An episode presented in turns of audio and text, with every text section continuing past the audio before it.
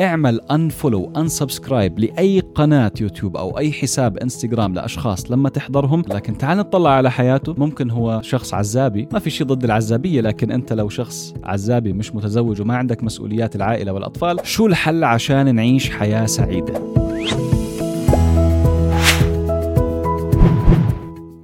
السلام عليكم معك سائد يونس. يمكن هذا يكون أهم فيديو أنت بتشاهده في موضوع التنمية الذاتية ويمكن أهم فيديو بتشاهده بحياتك. مش لأني خارق أو راح أعطيك معلومات خارقة لكن لأني يمكن راح أحكي لك من القلب أشياء ومعلومات صادقة. وحتى نكون عمليين هذا الفيديو راح أحاول يكون مختصر قدر الإمكان راح يتكون من ثلاث أقسام. في القسم الأول في الجزء الأول راح أحكي لك شو هو أكبر خطأ بيعملوه معظم الناس وهو اللي بيخليهم يعيشوا الحياة بتعاسة. وما يوصلوا لأهدافهم بالجزء الثاني راح أحكي لك شو هو الحل وبالجزء الثالث عشان نكون عمليين راح أعطيك ثلاث نقاط خطوات عملية بتقدر تطبقها اليوم في حياتك. وين مكان مكانك وإيش مكان وضعك في الحياة. حتى تعيش بسعادة وراحة وتوصل لأهدافك بثقة بإذن الله تعالى. ويلا نبلش. أكبر خطأ يقع فيه معظم الناس واللي بيمنعهم من إنهم يوصلوا لأهدافهم في الحياة إنهم بيقارنوا حالهم مع الأشخاص الآخرين. لما أنت تطلع على غيرك وتشوف إيش عندهم أحسن منك وتنظر لنفسك وتشوف إيش عندك أقل منهم ودائما تكون أنت الخسران بالمعادلة تكون أنت أقل منهم في المقارنة لأنه دائما عقلك راح يطلعك أقل من غيرك. أنت بهذه الطريقة بتكون قاعد بتسلك أسرع طريق إنك تضل محلك. ما بدي أحكي أسرع طريق للفشل لكن خلينا نعتبر إنه هو الطريق المضمون اللي راح يخليك مكانك سر. شو ما عملت وشو ما حلمت وشو ما خططت في حياتك طول ما أنت بتقارن حالك مع غيرك راح تضلك مكانك. سهل نطلع على الناس الثانيين ونحكي أوه واو شوفوا فلان يا ريتني زيه أنا ما عندي الوقت اللي موجود عنده ما عندي المال اللي موجود عنده ما عندي الشهرة اللي موجودة عنده. طول ما بضل أقارن حالي مع غيري دايما راح أضل شايف حالي أقل منهم. طيب شو الحل؟ شو الحل عشان نعيش حياة سعيدة؟ طالما إحنا بشر وراح نضل نطلع على غيرنا ويمكن راح نضل نقارن حالنا مع الآخرين. الحل يا صديقي ببساطة هو بفكرة أن تعيش المرحلة. إنك تعيش المرحلة اللي أنت موجود فيها. خليني أعطيك مثال أوضح لك فيه الفكرة أكثر. يمكن في بدايات لما أنا بدأت اليوتيوب وكان عندي عدد قليل من المشتركين كنت ماخذ الموضوع جدي زيادة عن اللزوم. كنت أنا في ذلك الوقت لما بدأت كنت متزوج وعندي أطفال. كانوا صغار أصغر من هيك بكثير لكن كان موجود أطفال وكان في باستمرار في البيت صوت وصياح وممكن بكى وممكن لعب. السلام عليكم. السلام عليكم. كيف حالكم يا حلوين؟ كيف حالكم يا حلوين؟ فكان دائما في حركة وكنت أحاول قدر الإمكان أني أستنى الأولاد الصغار يناموا أطفالي حتى أصور وعشان هيك كنت مرات أصور فيديوهاتي الساعة 2 بالليل الساعة 3 الفجر الساعة 12 بالليل وأكون أصحى ثاني يوم مرهق وأروح على شغلي وأنا مرهق. اليوم بفضل الله تعالى بعد ما تجاوزنا أكثر من 2.5 مليون مشترك ومئات الفيديوهات في القناة صرت حاس أنه عادي جدا لو أصور ويطلع أصوات أطفالي في الخلفية. عادي أنك أنت تسمعها مش عدم احترام لك كمتابع بالعكس هذا زيادة احترام لك أني أشاركك معي في حياتي أني أكون معك طبيعي على حقيقتي بدون ما أتصنع عليك وبدون ما أتظاهر بأشياء مش موجودة عندي. في خطأ كبير يقع فيه كثير من الأشخاص وخصوصا في ال social media في عالم التواصل الاجتماعي وهذا العالم المنمق والعالم المجمل زيادة عن اللزوم. ممكن أنت داخل اليوتيوب في البداية بسبب شغف موجود عندك وتبدأ تقارن حالك مع أشخاص آخرين. يعني أنا ممكن أقارن نفسي مع يوتيوبر آخر مع شخص شخص آخر أشوف إنه هو واو عم بجيب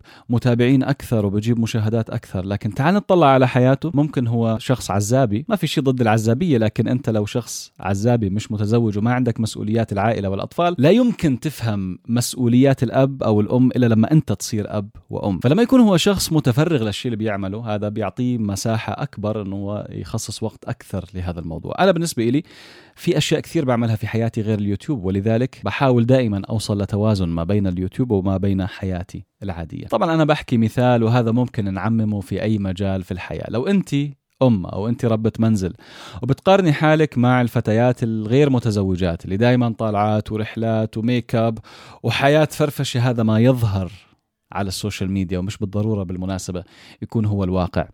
إذا إحنا بنقارن حالنا دائما مع الناس اللي بيلمعوا حياتهم في السوشيال ميديا إحنا دائما راح نكون الخسرانين وإحنا دائما راح نكون التعساء. يعني يمكن الرسالة اللي بدي أوصل لك إياها إنك لا تسمح للمقارنات ولا تسمح لمقارنة نفسك مع الآخرين تحبطك وتقلل من عزيمتك وطموحك وشغفك لأنه بالنهاية أنت في منافسة حقيقة بس مع حالك. لو أنا بطلع على غيري وبشوفهم أنجح مني لو أنا بطلع على غيري وبشوفهم أسعد مني كيف بقدر أكون أنا ناجح وسعيد في حياتي. الحل ببساطة هو أنك تعيش المرحلة الحالية. لو أنت أب استمتع بوجودك وبحياتك كأب.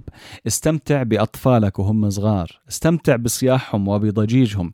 لو أنت أم استمتعي بهاي المرحلة لأنه رح يجي يوم نطلع لورا ونحكي أوه السنين مرت والعمر مر وهيهم كبروا وإحنا ما استمتعنا معهم. لو أنت طالب في الجامعة استمتع بالمرحلة. عيش المرحلة. عيش المحاضرات وعيش الاختبارات وعيش الحياة الجامعية لأنه رح يجي عليك يوم تكون عندك مسؤوليات أكبر عمل ووظيفة وأسرة وغيرها تطلع لورا وتحكي أوه. يا ريتني استمتعت بالأيام اللي مضت أكثر. طيب بعد ما شرحت لك القصة وما فيها خلينا نيجي على بعض الخطوات العملية اللي تساعدك اليوم، اليوم تبدأ وتعيش حياة سعادة ونجاح من اليوم. رقم واحد، اعمل unfollow لأي شخص متابعته بتخليك تشعر إنك أقل منه. اعمل unfollow unsubscribe لأي قناة يوتيوب أو أي حساب إنستغرام لأشخاص لما تحضرهم بتحس بمشاعر سلبية. يمكن أنت اليوم مش واعي لهذا الموضوع، بدي إياك تكون واعي أكثر لهي الفكرة. لما تمسك موبايلك وتبدأ تعمل scrolling unlimited هذا لا نهائي. يا ترى مين هم الأشخاص اللي بيحسسوني بمشاعر سلبية؟ ما تتخيل قديش ال unfollow وال unsubscribe راح تريحك بشكل كبير جدا. مش لأنه راح تمنعك عن العالم الخارجي لكن لأنه من حقك تقول لا لكل ما يشعرك بمشاعر سلبية.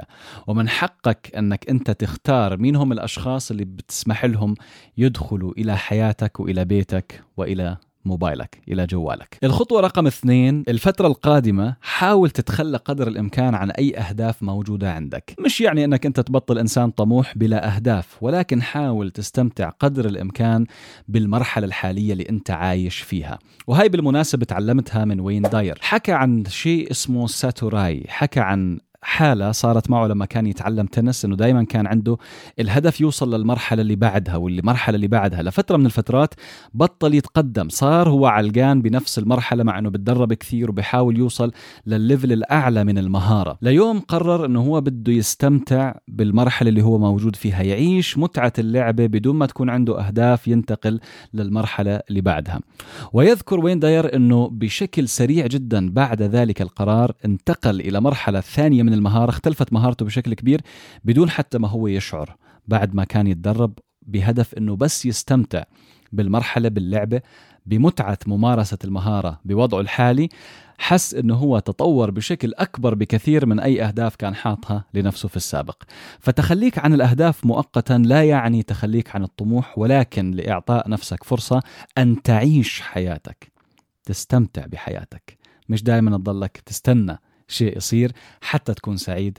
بإمكانك اليوم بقرارات بسيطة تخلق السعادة التي تستحقها. طيب جميل إحنا عملنا unfollow و unsubscribe لكل الأشياء السلبية. أيضا تخلينا عن بعض الأهداف المزعجة أو الأهداف اللي بتضغطنا في سبيل إنه نستمتع بحياتنا أكثر.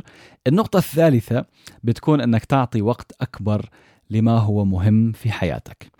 أبنائك الناس اللي بتحبهم وأهم شخص نفسك. تهتم بصحتك تهتم بأكلك بتنفس جميل تطلع تتمشى تاخذ نفس نقي.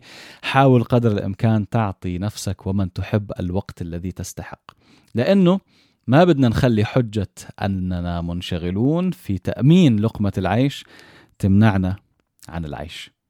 أنا متفهم أنه أي حدا فينا عنده مسؤوليات كبيرة.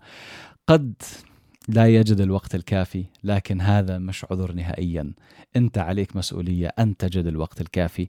بغض النظر شو هي المسؤوليات الموجودة عليك. الأخرى في العمل أنت مسؤول أنك دائما تعطي أبنائك الوقت اللي هم محتاجينه. دائما أنت تعطي أبنائك الوقت اللي هم محتاجينه. تقضي وقت أكثر مع الناس اللي بتحبهم وتقضي وقت أكثر وقت quality time وقت ذو نوعية عالية. مع نفسك. وهيك بنكون وصلنا لنهاية حلقة اليوم. بتمنى أنك تكون استفدت واستمتعت في هذه الدقائق. لو عجبتك هذه الحلقة اعمل لايك للفيديو واكتب تعليق جميل ينم عن جمالك وروعتك وألقاك بالفيديو القادم بإذن الله تعالى. السلام عليكم. سائد يونس.